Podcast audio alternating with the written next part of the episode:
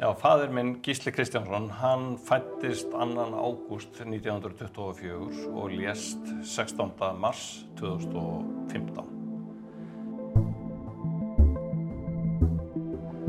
Hann fættist og ólst upp á Nýlendugötunni, þar sem að foreldrarnir byggu, en afi minn Kristján Gíslason, eða Kristján Franklín Gíslason, var vélsmiður og rak þar vélaverstaði eða vélsmiður Kristján Gíslasonar og ásand ömmu, Ingebjörgu Árnandóttur.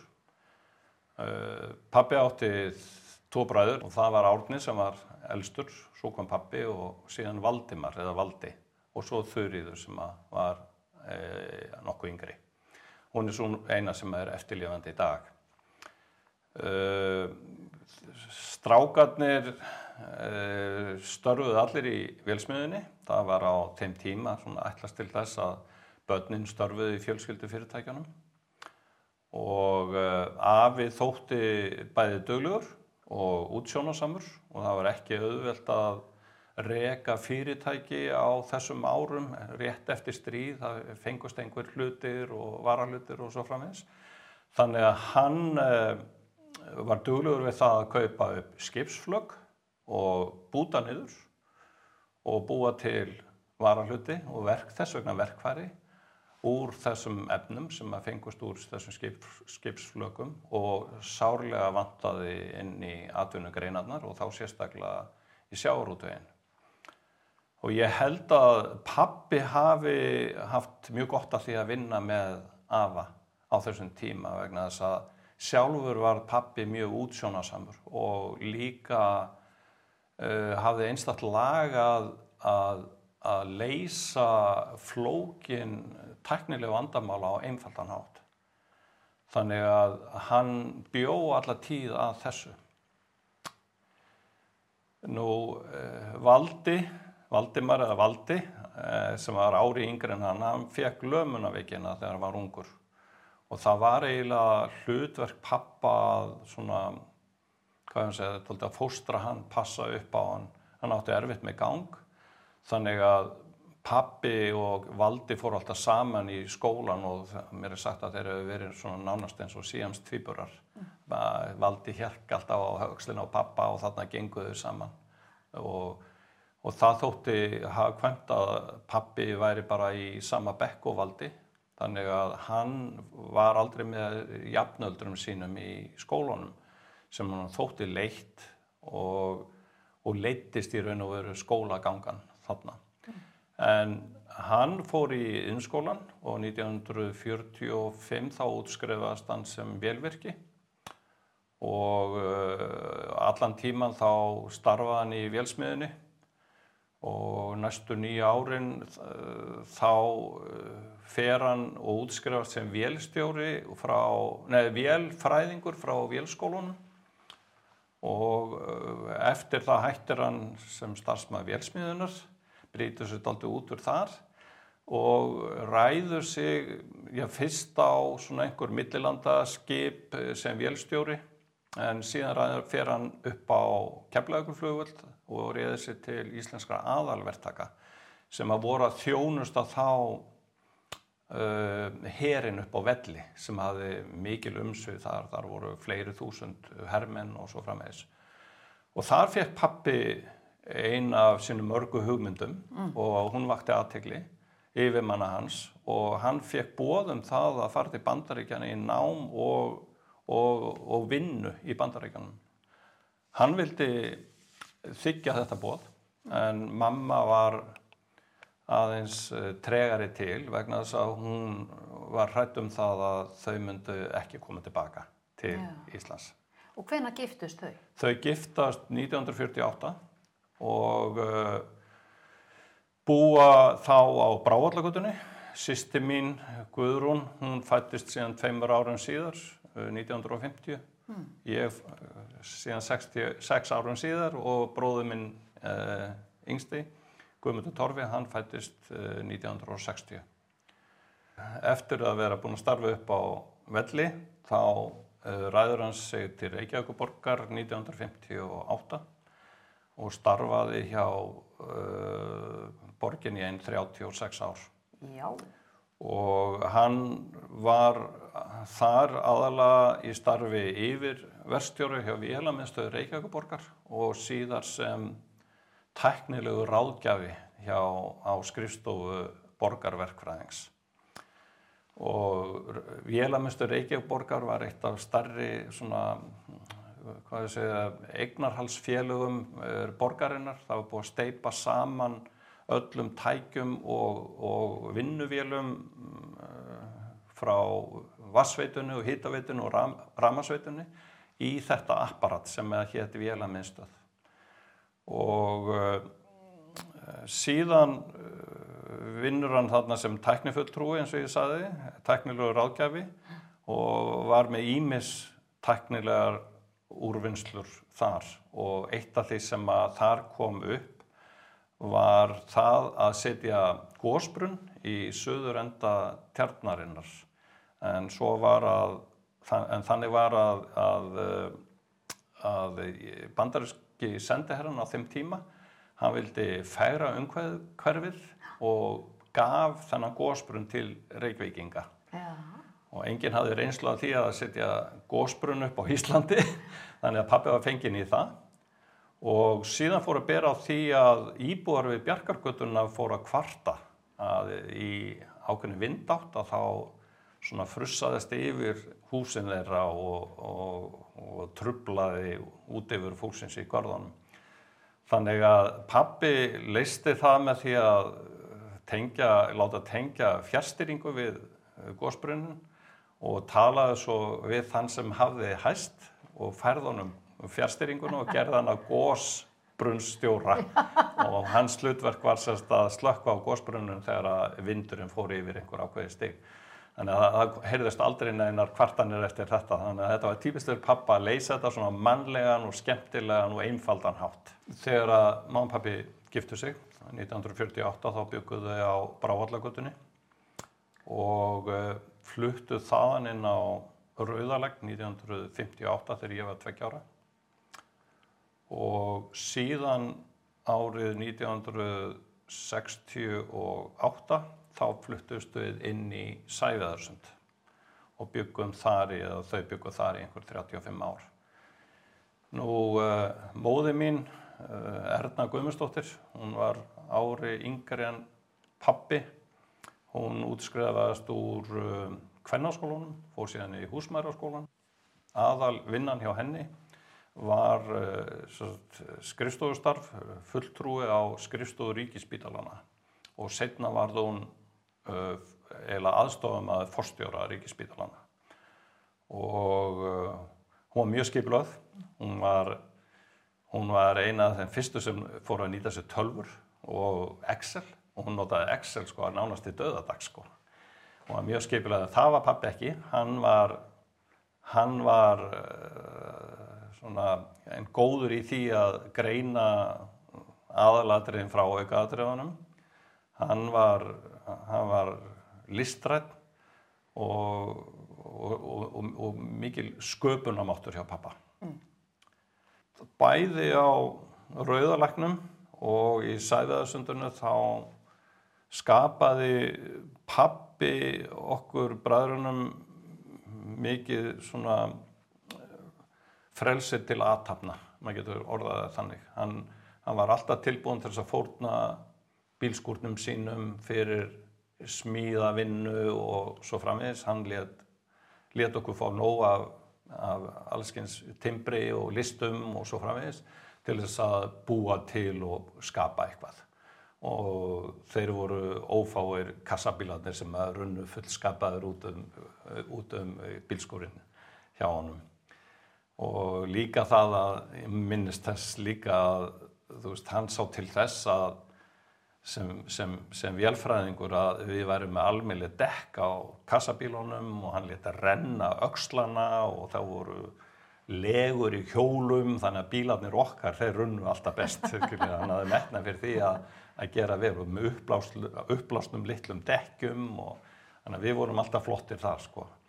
Og svo inn í Sæveðarsundi þá ringaði, var, var meira plást og það var kjallar í húsinu og, og þar bjóð bjó hann til bara svona það sem við kallum hobbyherbyggi. Og það var ekki bara smíðað, heldur, föndrað og, og þetta var svona lítil, þetta var svona lítil félagsmyndstöð í hverfuna þar sem að vinir okkar komu og við vorum alltaf að gera eitthvað. Og fyrir þetta er ég afskaplega þakklátur bæði pappa og mömmu að, að hafa uh, að hafa útbúið þessa aðstöðu fyrir okkur og ég hérna fyrir vikið þekkti maður og, og læriði maður eitthvað verkvið sem er ekki svo lítilsvirði. Nú, uh, uh, það sem að einkendi pappa var, var gladverðin og, og gladverðin og hjálpseminn. Hann vildi, vildi alltaf vera að hjálpa fólki, alltaf að, að gera eitthvað fyrir fólk. Og líka það að, að gandast og fyrir utan alla brandarana þá var hann bara hann var alltaf að gera grína sjálfur sér. Og hann kunni svo marga sögur þetta kom allt svo náttúrulega upp hjá honum. Og mér að segja vini mínir í dag eru ennþá að vitna í það þegar að pappi sagði eitthvað og við getum ennþá hleyð okkur brjálega við það skilur og, og hérna ég, ég, ég kemur nú bara allt í hennu upp ein minning í því sambandi að þegar að pappi og mamma flytja síðan úr sæðaðsundun inn í Jökulgrunn sem er við uh, Hrafnistu í 2003 að þá var allt tekið upp og allt gert fínt og flott og nýtt og svo endar hann á því að köpa sér nýjan bíl. Að, og þá var eitt vinnu minna, góðu vinnu minn sem sagði, Gísli minn, hvernig er það að þú ert búin að kaupa nýtt hús og gera allt upp og kaupa svo nýjan bíl? Hérna er ég bara koma að því að, að skipta út konunni? Já, ég hef hugsað þetta mikið. Ég hef hugsað þetta mikið.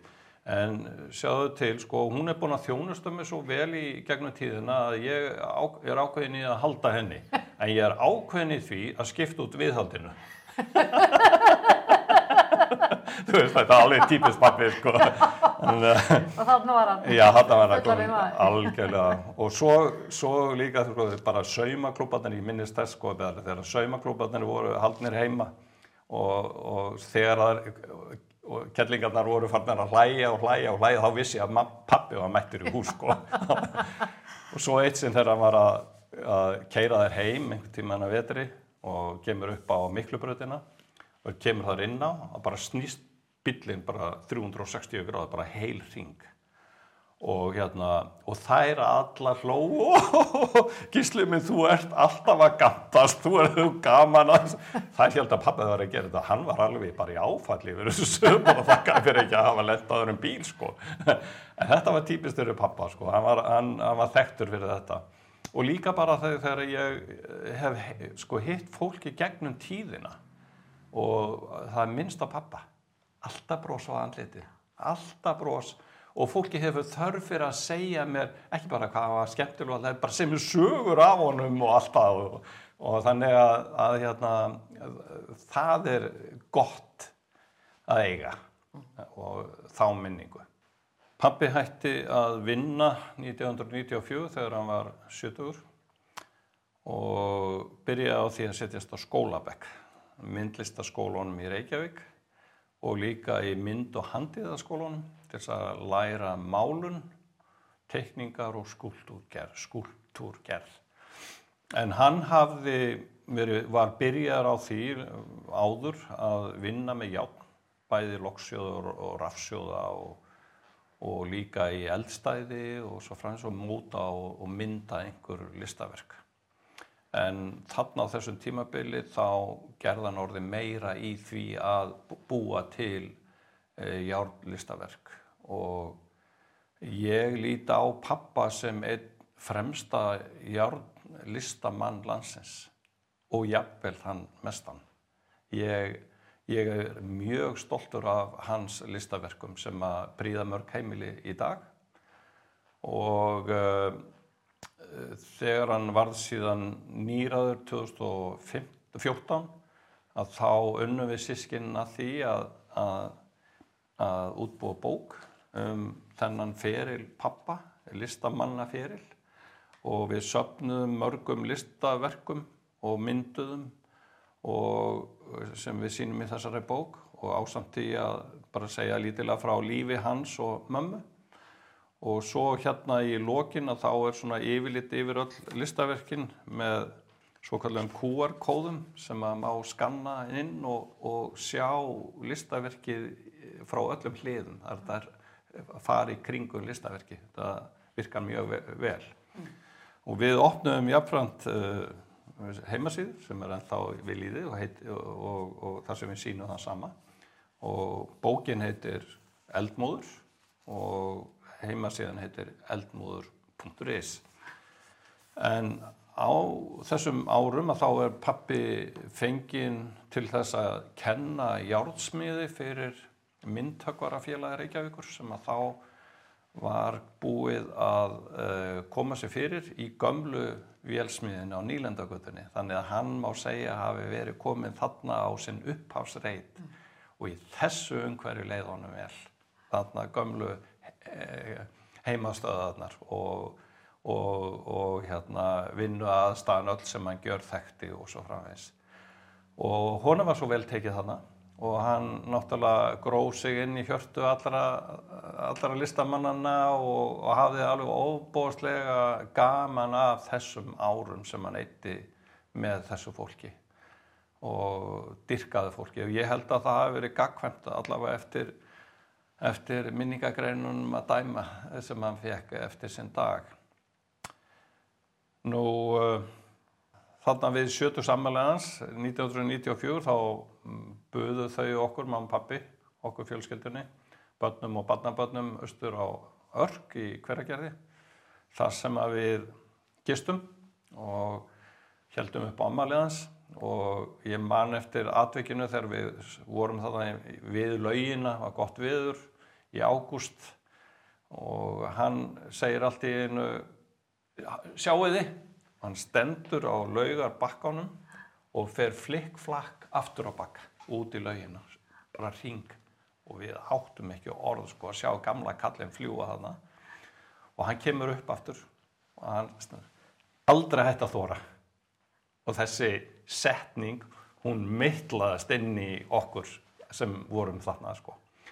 Og þegar ég fór ringin ykkur um nöttin á mótuhjólunum mínu einn að þá var, má, má segja sko að þetta var besta veganesti sem ég fekk í þá ferð. Þannig að það er svo auðvelt að tala sig út úr aðstæðum og segja nei, það er ekki skinn sem að gera þetta, nei, gera ekki þetta. Og pappi var af öllum mesti kvartni, sá sem kvarti mig mest þess að fara einan ringin í kringum nöttin, allir voru að segja hann er eitthvað skrítin, hann Kristján og hvaða vittlisa og svo framvegs en pappi nýraður bara gerði það, farðu einn farðu miklu meira út úr því. Þannig að hann var mikil stuðnis aðeili minn og hefur alltaf tíð verið, skilur það.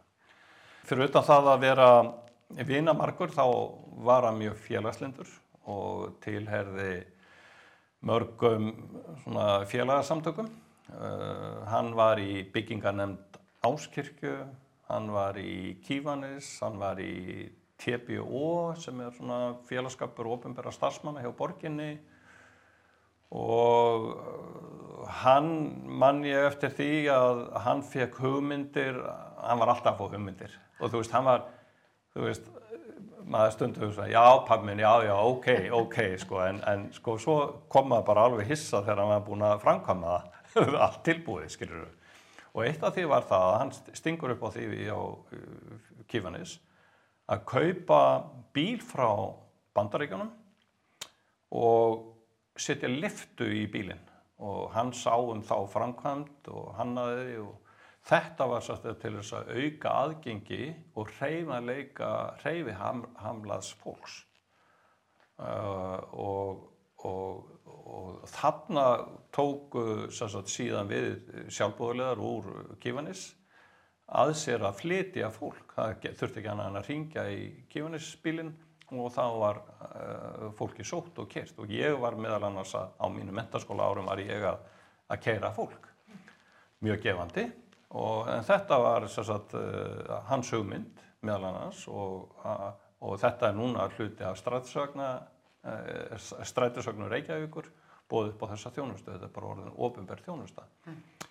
Hann samti líka við, við borginu um það að taka sér klukkunanir á torki og, og að það er að segja kífanis og á móti fenguð þeirra auglýsa á klukkunni og allt fór náttúrulega til góðgerðamála. Það er bara dæmum og þú veist ég er hundrað svona dæmi sko af, af pappa.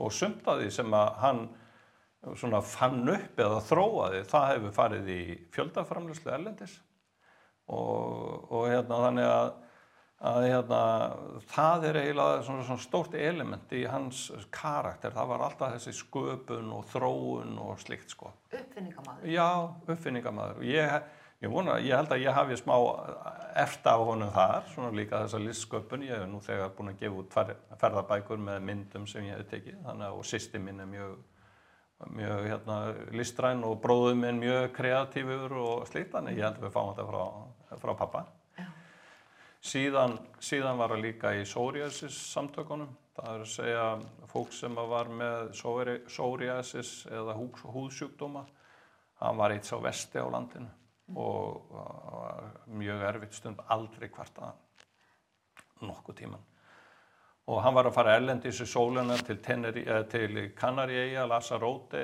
og var þar og þá fór það af honum en það var komið á hann á leiðinni heim úr í flugvillinu sko. Mm.